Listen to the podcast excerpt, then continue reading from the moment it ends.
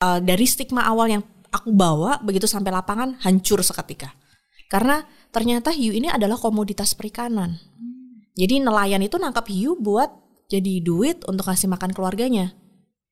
Uh, sesudah riset itu selesai dan lain-lain, uh, aku mikir kayak wah ini harus ada yang ngerjain sih konservasi hiu ini. Tapi konservasi dengan pendekatan humanis ya kalau kita ngomong konservasi jadul gitu yang warnanya kolonial banget, mm -hmm. konservasi kan ngomongnya adalah oh harus dilindungi penuh terus bla bla bla bla bla bla. Tapi ketika kita ngomong komoditas yang ternyata itu juga jadi uh, sumber mata pencaharian penting buat masyarakat, kalau kita ngomongin konservasi yang oh iya dilindungi penuh uh, dilindungi penuh semua tanpa memberikan solusi, ya PR juga masyarakatnya mau apa. Jadi yeah. PR kita sebenarnya nyari solusi ini biar hiunya tetap aman, populasinya tetap ada, masyarakatnya tetap dapat uang nyekolahin anak-anaknya. Okay. Karena mereka ke laut cari duit, bukan cari ikan.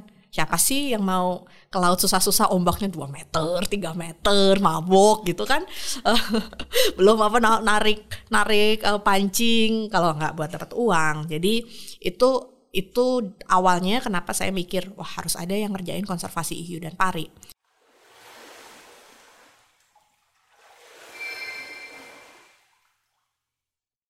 Halo teman-teman, kembali lagi di Laut Untuk Semua Podcast. Hari ini dengan saya Alia. Kali ini kita sudah kedatangan tamu yang sangat spesial karena kita akan ngebahas tentang hiu, lebih spesifik, perikanan, dan pastinya tentang ikan pari. Siapa lagi uh, kalau tidak bukan Kak Benaya Simeon. Halo Kak Benaya. Hai Alia. Aku panggilnya Kak Naya aja kali ya. Oke. Okay. Biar lebih akrab. Apa Sip. kabar nih Kak? Sehat, terima kasih. Uh, Ya. Oke. Okay. Uh, eh, Kak, sebelum kita uh, masuk ke pertanyaan yang pastinya mm -hmm. seru banget mm -hmm. nih, karena aku bakal spesifik banget sih nanya-nanyanya. Uh, boleh nggak Kak, aku ada satu pertanyaan yang mungkin teman-teman di sini penasaran. Hiu itu sebenarnya menyeramkan kayak di film nggak sih Kak? uh, serem nggak ya? Uh, yang jelas hiu itu uh, hewan liar ya, hewan buas. Jadi ya jangan dikira kayak peliharaan kucing kita atau anjing kita pasti beda. Cuman kalau serem ngejar-ngejar kita waktu berenang di laut sih enggak gitu. Itu cuman buatan film aja biar filmnya laku. Okay. Sebenarnya kalau nyelam hiunya nggak bakal ngejar kita gitu, nggak akan ngejar-ngejar kita buat gigit nggak. Oke. Okay. Jadi di notes ya teman-teman, hiu tuh nggak apa kak? Nggak serem. Nggak serem. Oke okay, kak, uh, sebelum aku nanya-nanya nih kak, mungkin kak Naya boleh jelasin sedikit nggak kak? Kakak nih siapa sih? Mungkin uh, banyak yang belum tahu kak Naya ini lebih fokus ke mana, kenapa ada di sini, dan kenapa ngomongin hiu gitu. Oke, jadi uh, nama saya Benaya Simeon, biasa orang panggil nama panggilan Naya. Nah, jadi bener banget udah kalau panggil Naya lebih akrab ya. Uh, pekerjaan saya shark conservationist, shark and race conservationist. Jadi itu pekerjaan yang nggak banyak ya. Jadi konservasionis tuh ngapain sih gitu? Apakah uh, orang kadang ngomong konservasionis, oh tukang uh, conversation yang ngomong ya oh bukan gitu. Saya ngomongin konservasi. Uh, cuman dan uh, kalau ngomong konservasi oh pasti uh, datang untuk melindungi gitu.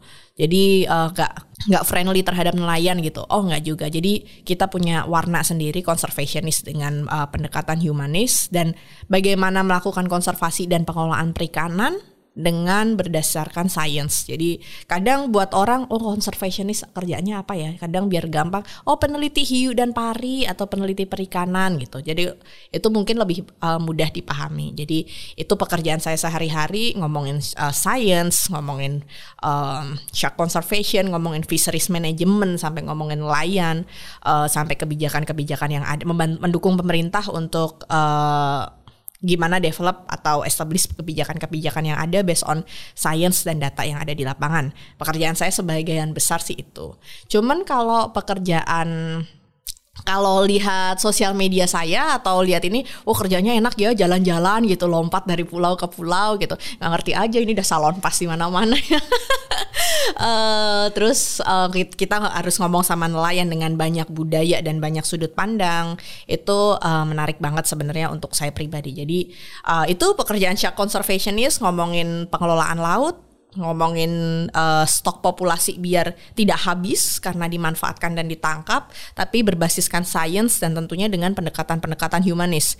Jangan sampai kita ngomong pengelolaan, perlindungan penuh, tapi kita nggak ngomong, kita nggak mikirin nelayan harus gimana, keluarganya harus makan apa. Dan di situlah kita harus cari win-win solution dan jadi satu bridging atau satu uh, jembatan antara nelayan, terus uh, pemangku kebijakan, akademisi dan para pemangku kepentingan gitu. Itu mungkin pekerjaannya uh, moga-moga nggak terlalu membingungkan ya penjelasannya ya. Oke. Okay. Kalau dari aku sih sebenarnya itu sangat wow banget ya karena kayaknya banyak banget yang kamu kerjain di sana ya Kak sebagai mm -hmm. peneliti tuh ternyata turunannya tuh banyak banget ya. Mm -hmm. Kayak bukan cuma satu bidang aja kayak hiu dan pari mm -hmm. tapi ternyata pendekatan juga dengan nelayan ya. Mm -hmm.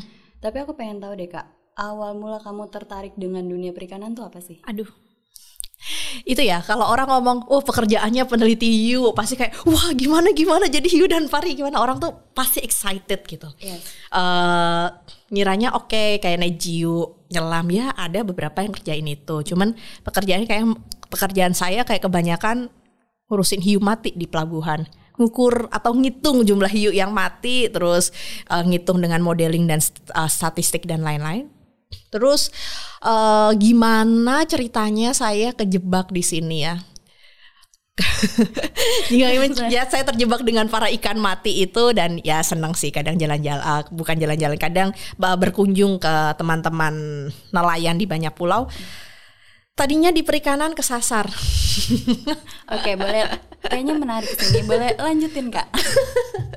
Jadi uh, saya ambil studi itu perikanan, perikanan tangkap Bagaimana cara menangkap ikan? Saya harus tahu kalau nangkap teri itu jaringnya apa, nangkap hiu pancingnya yang kayak gimana, nangkap tuna pancingnya yang kayak gimana. Jadi cara memanfaatkan atau mengeksploitasi laut itu seperti apa? Ya memang dengan catatan dengan cara berkelanjutan. Tapi itu uh, kayaknya masih PR agak panjang ya. Tapi bagaimana cara mengeksploitasi laut itu saya ada di situ. Cuman kenapa di situ dulu kesasar? Okay. Pengennya nggak di situ di mana tuh kak? Saya pengen kuliah di salah satu universitas swasta waktu itu, pengen ambil komunikasi, tapi namanya orang tua, ih ngapain ngambil swasta di negeri aja? Oke di negeri, terus keterimanya perikanan ya ngejur. Jadi teman-teman mungkin ada istilah menjurai jaring. Kalau jaring nelayan itu rusak, saya harus tahu cara benerin jaringnya. Yes, betul, Terus habis itu uh, cara uh, ada berapa sisik ikannya, hmm. ada berapa gigi ikannya terserah lah. Jadi itu yang saya pelajari. Jadi waktu pertama kayak ngapain sih gue di sini nih? Ngapain sih nih gue ngurusin ikan mati? Oh ya pernah juga pergi makan keluarga. Hmm. Gue harus ke kamar mandi setiap beberapa setiap satu jam mm -mm. untuk gue ngukur kekakuan jenazah ikan. Jadi saya gue di kantong nih punya jenazah ikan nih. Gue harus ngukur nih setiap jam atau setiap 30 menit dia udah berapa kaku. Oh my god. Ya jadi gue harus ke kamar mandi karena itu tugasnya dari kampus. Okay. Jadi kayak kadang gue, ih ngapain sih nih? Cuman uh, setahun dua tahun pertama akhirnya kayak ih kerjaan uh, kuliah apa sih nih? Gak pernah kuliah. Zaman dulu ya bisa uh, titip absen, tapi sekarang jangan titip absen ya, jangan. Zaman dulu bisa gitu.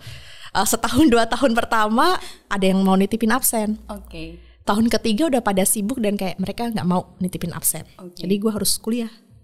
Nah di situ kayak uh, waktu kuliah dan banyak lapangan gue kayak banyak berinteraksi sama masyarakat, sama nelayan, terus melihat banyak budaya dan perspektif uh, apa cara pandang baru tentang Indonesia. Gue kayak, wih enak juga nih kuliah perikanan. Apalagi aku suka sains kan aku suka uh, biologi gitu. Hmm. kayak wah oke okay juga nih nggak apa-apa lah ngejurai ngejurai dikit.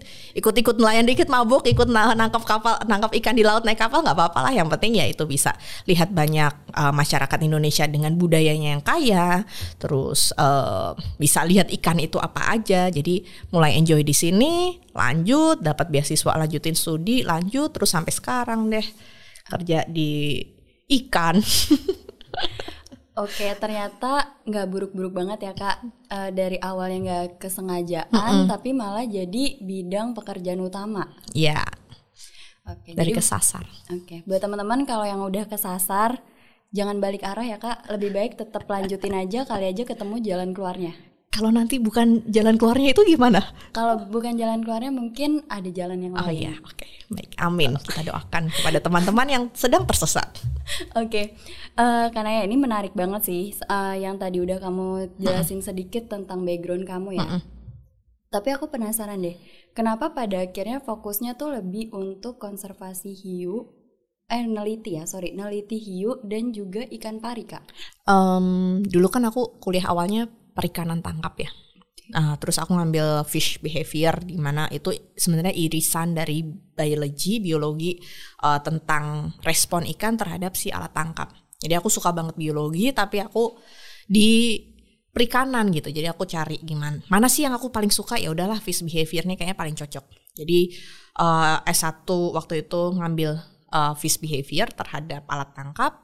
Terus habis itu waktu S2 jadi mahasiswa, namanya mahasiswa ya luntang-luntung, setiap ada meeting minta makan gitu. Syukur-syukur dikasih uang saku gitu. Terus mungkin saking luntang-luntung itu ada temen yang eh udah punya topik penelitian belum? Ih belum nih, mana dong yang dibayarin gitu. Eh bantuin dong untuk hiu. Mau nggak hiu? Oh ya udah deh, bikin proposal coba. Coba kan bikin proposal dari nol nggak ngerti apa-apa gitu. Jadi cari tahu soal hiu. Terus eh, belajar ke Dr. Fahmi, salah satu ahli hiu di Indonesia di LIPI, sekarang BRIN. Dulu P2O di Ancol.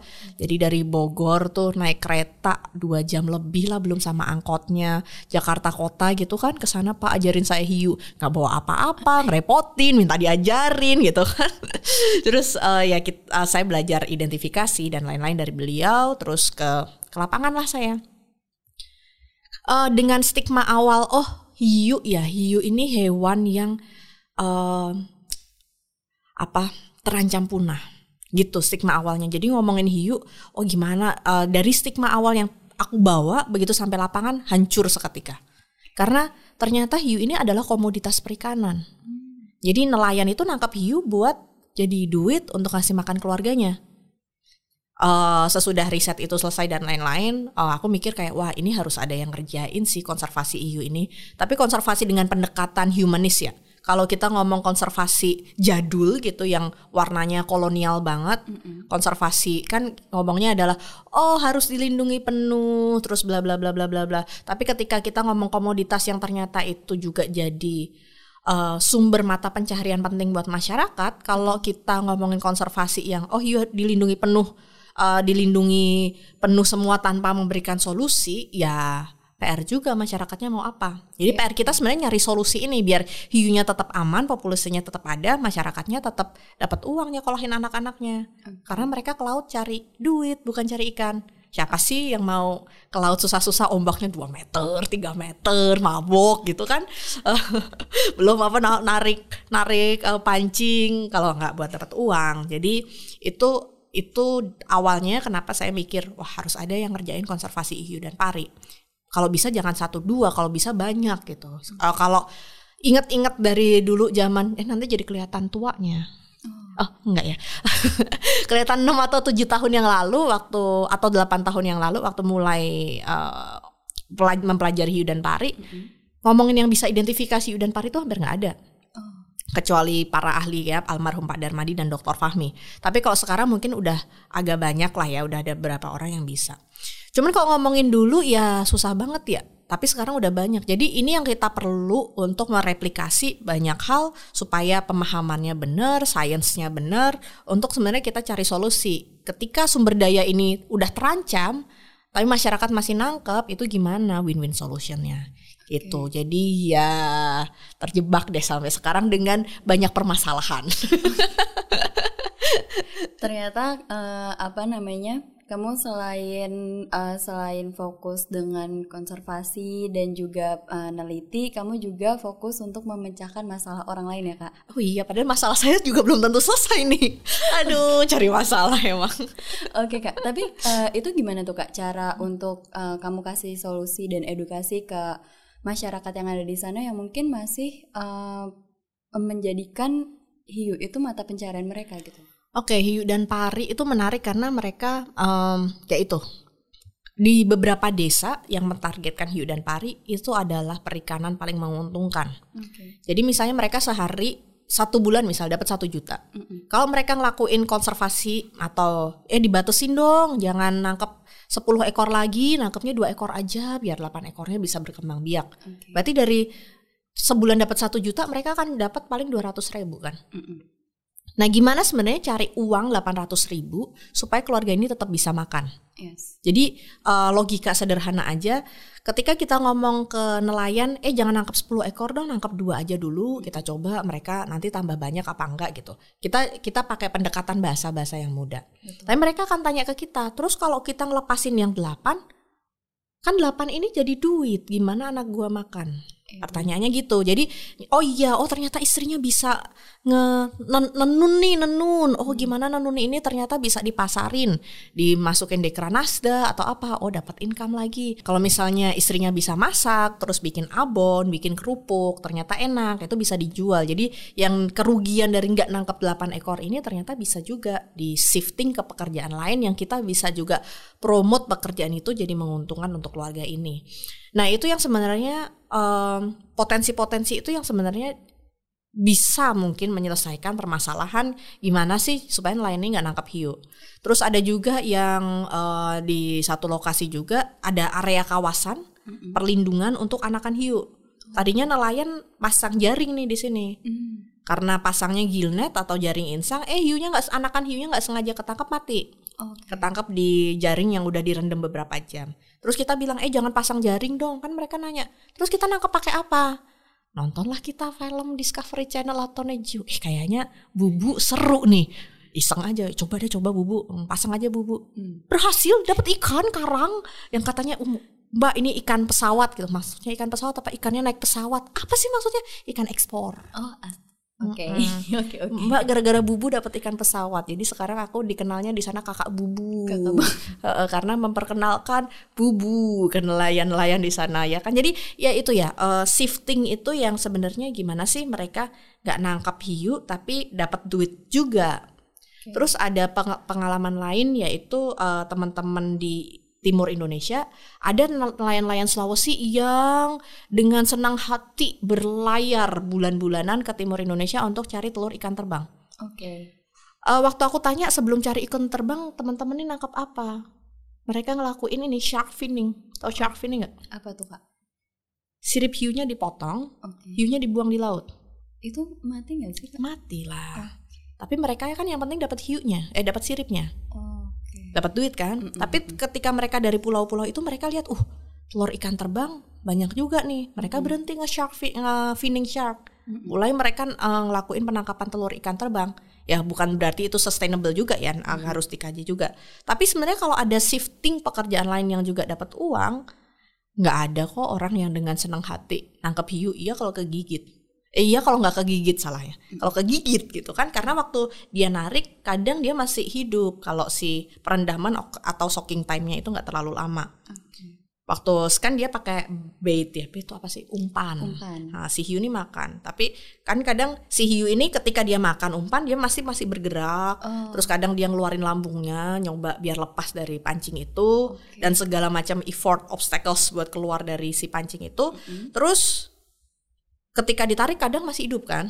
Kadang masih hidup, kadang masih mati tergantung. Nah, itu kan bahaya buat nelayan tuh. Mm-mm. Nah itu yang eh, mereka juga kadang ya sebenarnya kalau ada pekerjaan lain atau opsi lain yang mendatangkan uang untuk mereka, mereka juga nggak eh, dengan senang hati sebenarnya akan cari eh, hal yang lebih mudah dan lebih nggak nggak membahayakan. Yes, Mm-mm. nggak nggak mengambil resiko ya, Kak? Ya ya? benar.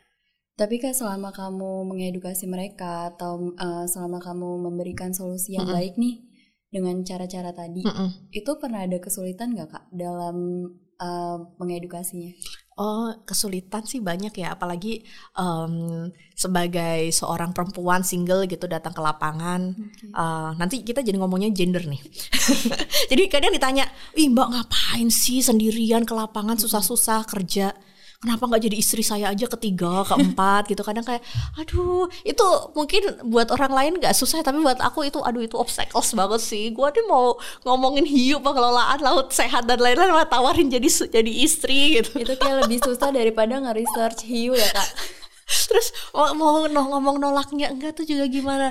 In some point that's sad, itu sedih. Tapi in some point kayak ketika di lapangan ditawa, ditanya ini itu kayak antara kocak ketawa atau gimana tapi di sisi lain iya itu sedih gitu. Maksudnya pandangan orang ke um, apa namanya ke seorang perempuan yang bekerja di lapangan terus mereka kayak ngapain sih lu? gitu. Mm-hmm. tapi di sisi lain kayak gue mau jawab apa ya? Kalau gue langsung ngamuk juga pasti dimarahin paling ketawa-ketawa kayak aduh pak gitu. Emang kuat berapa sih? Apa harnya? gitu. Berapa kapal? gitu gitu ya itu yang itu pinter-pinternya kita. Itu susah menurutku. Awal-awal kayak aduh harus jawabin apa nih? Okay. kayak awkward. Tapi uh, itu yang pertama. Terus kedua cara komunikasinya ya memang ujung-ujungnya UUD ujung-ujungnya duit. Kalau kita ngomong uh, jangan tangkap hiu supaya lautnya sehat. Bisa jadi mereka tuh nggak kenal laut sehat itu kayak gimana. Iya benar. Uh, buat mereka laut ya kayak begitu-begitu aja gitu. Mereka -hmm. kalau kita dapat apa ya kita tuh dapat banyak enlightenment lah. Kita dapat banyak pencerahan laut sehat itu kayak gimana yang biru yang kita bisa berenang. Tapi buat mereka tuh kayak mereka nggak tahu laut sehat itu kayak gimana. Dari kecil ya laut ya begitu aja. Ada ombaknya yeah. ada ini. Mereka nggak ngerti. Jadi itu yang uh, jadi tantangan ya untuk memperkenalkan supaya nggak habis. Memang pernah habis. Hmm.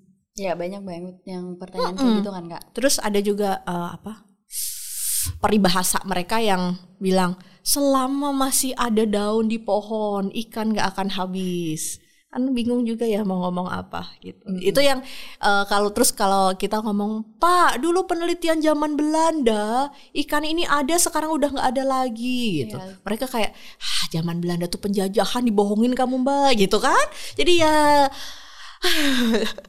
banyak sih tantangannya tapi menyamakan frekuensi itu karena masing-masing lokasi nelayan apa desa itu kan mereka punya sosial budaya sendiri, punya persepsi sendiri. Ada yang perempuannya berdaya banget, mm-hmm. ada yang perempuannya sangat tidak berdaya gitu.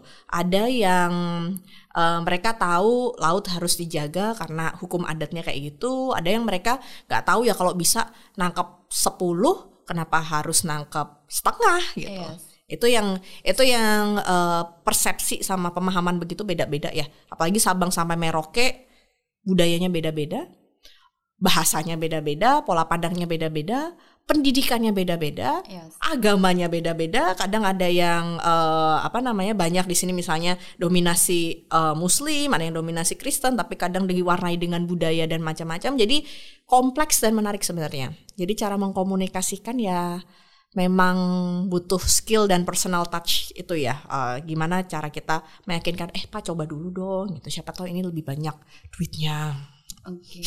berarti ketika take action uh, dan hasilnya itu ternyata lebih banyak baru tuh mereka baru sadar tuh ya kayak ya? ya mereka baru percaya jadi memang perlu ada satu atau dua orang yang nyoba dulu mereka hmm. baru percaya karena um, Iya itu ya mereka uh, teman-teman nelayan itu kayak nggak gampang percaya apalagi kita dari luar mm-hmm. uh, bukan orang situ terus habis itu kita ngomong sesuatu ide sesuatu yang mereka nggak ada di uh, di persepsi mereka terus kita ngomong sesuatu yang baru kayak buktiin dulu kita harus buktiin dulu kalau uh, pengelolaan perikanan itu bisa konservasi itu bisa dilakukan dan pengelolaan itu sangat mungkin dilakukan dengan banyak catatan gitu. Kak, aku jadi penasaran deh. Sebenarnya tuh uh, hiu itu semuanya, semua spesiesnya itu termasuk uh, hewan langka atau memang ada sih hiu yang boleh ditangkap dan dikonsumsi? Ah ini susah nih, ini agak tricky nih karena saya aku secara conservationist tapi di sisi lain uh, nelayan juga butuh itu dan uh, sebagai catatan hiu itu hiu dan pari itu sudah kita konsumsi dari mungkin beratus-ratus tahun yang lalu. Mm -hmm. Bahkan ada riset dari Jepang kalau nggak salah orang Jepang tuh udah makan hiu tuh dari tahun 1600 atau 1700. Hmm. Uh, kalau kita karena nggak tercatat dengan baik kita nggak tahu ya. Tapi uh, kalau kita lihat di banyak lokasi di Indonesia banyak banget hiu dan pari itu jadi makanan lokal. Okay. Kayak misalnya bagar hiu di Bengkulu, gulai di Aceh, panggang pari di uh, Pantura, sate hiu di Lombok. Hmm. Uh, itu kan sebenarnya makanan lokal ya nggak mungkin setahun dua tahun itu jadi itu jadi resep gitu menurutku yes. itu udah agak lama jadi uh, pertanyaan besar sejak kapan kita makan hiu itu juga jadi catatan tapi di sisi lain si hiu ini bisa dibilang udah kayak di dinosaurus. Dia berevolusi terakhir tuh 200 juta tahun yang lalu atau 300 juta tahun lalu. Okay. Terus dia taksa ikan yang berhasil beradaptasi di macam-macam ekosistem. Di sungai ada hiu sungai. Hmm ada tapi di kita kayaknya di Jawa kayaknya udah punah kayaknya tercatat di museum. Terus habis itu uh, ada masih ada di uh, Pulau Papua masih ada. Terus uh, pari sungai juga ada. Pari di um, Brekis, Brekis tuh uh, air payau itu juga ada, di coastal ada, laut dalam ada. Jadi hampir di semua relung ekosistem hiu dan pari itu ada. Tapi memang jumlahnya nggak sebanyak dari ikan-ikan lain. Karena dia memang sedikit. Nah, karena dari dulu itu juga ada di dekat kita, ya masyarakat kita akan makan itu. Ya. Karena taunya itu ikan, nggak pernah kepikir itu dinosaurus gitu kan. Um, nah di sini sebenarnya gimana sih kita uh, ini menantang sih. Jadi uh, dia tuh sedikit ada di banyak semua ekosistem, mm -hmm. terus sudah mulai hilang dia udah mulai ada critically endangered, terancam dan lain-lain. Bahkan ada beberapa record yang dari zaman Hindia Belanda kita punya misalnya tadi hiu sungai di Laut Jawa, eh hiu sungai di di sungai-sungai Jawa udah nggak ada. Terus misalnya pari ada beberapa pari yang uh, di tercatat di zaman Hindia Belanda sekarang udah nggak pernah lagi aku temuin ketika aku ke lapangan. Jadi hilang itu mungkin banget, nggak ada lagi tuh mungkin banget. Tapi pertanyaannya adalah bisa nggak sih kita nyetop konsumsi kita, nyetop demand kita untuk ekspor um, apa namanya sirip itu ke hal yang lain gitu supaya si hiu ini tetap ada di laut tapi yang itu nelayan tuh dapat apa namanya pemasukan lain tapi mungkin nangkapnya yang lain. Hmm.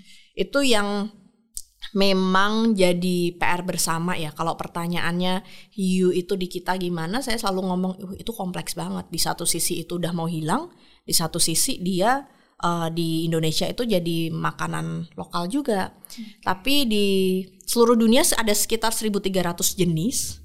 Di kita ada 200 lebih dari 200 hiu dan pari.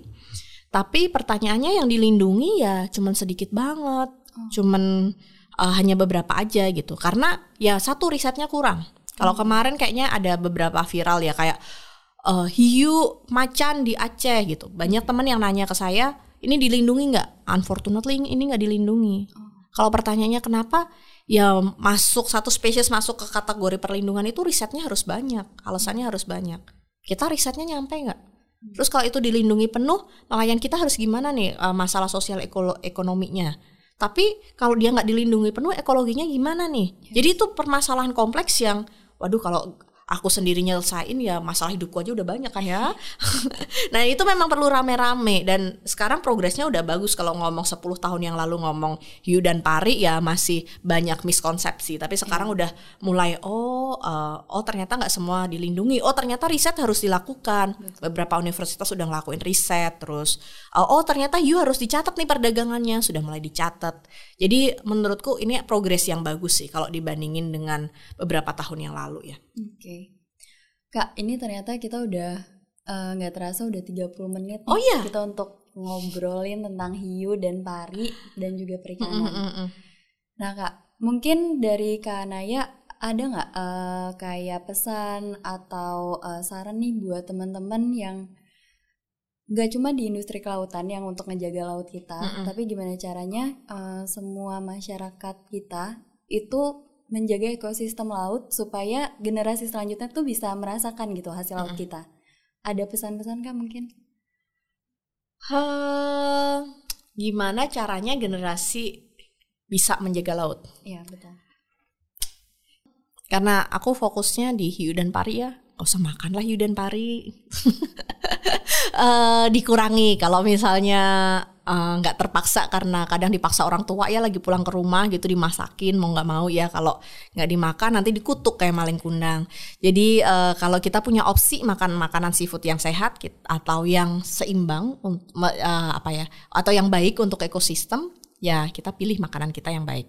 Um, agak agak picky ke seafood kita atau makanan laut kita, nggak usahlah makan yang yang hiu, pari atau uh, mungkin ikan yang undersize, yang kekecilan gitu. Kita kita sekarang punya banyak opsi untuk makan. Pengetahuan kita cukup banyak ya, nggak kayak kayak 30 tahun lalu atau 40 tahun lalu yang ya semua yang ada di meja itu dimakan atau yeah. semua yang ada di pasar bisa dibeli, uh, dibeli dan dimasak. Kalau kita punya preferensi atau opsi untuk milih, pilihlah makan laut yang sehat. Oke, okay, nice banget Mbak uh, Kanaya. Thank you banget buat sharing sessionnya untuk podcast episode kita hari ini. Semoga bermanfaat untuk teman-teman yang dengerin podcast kita.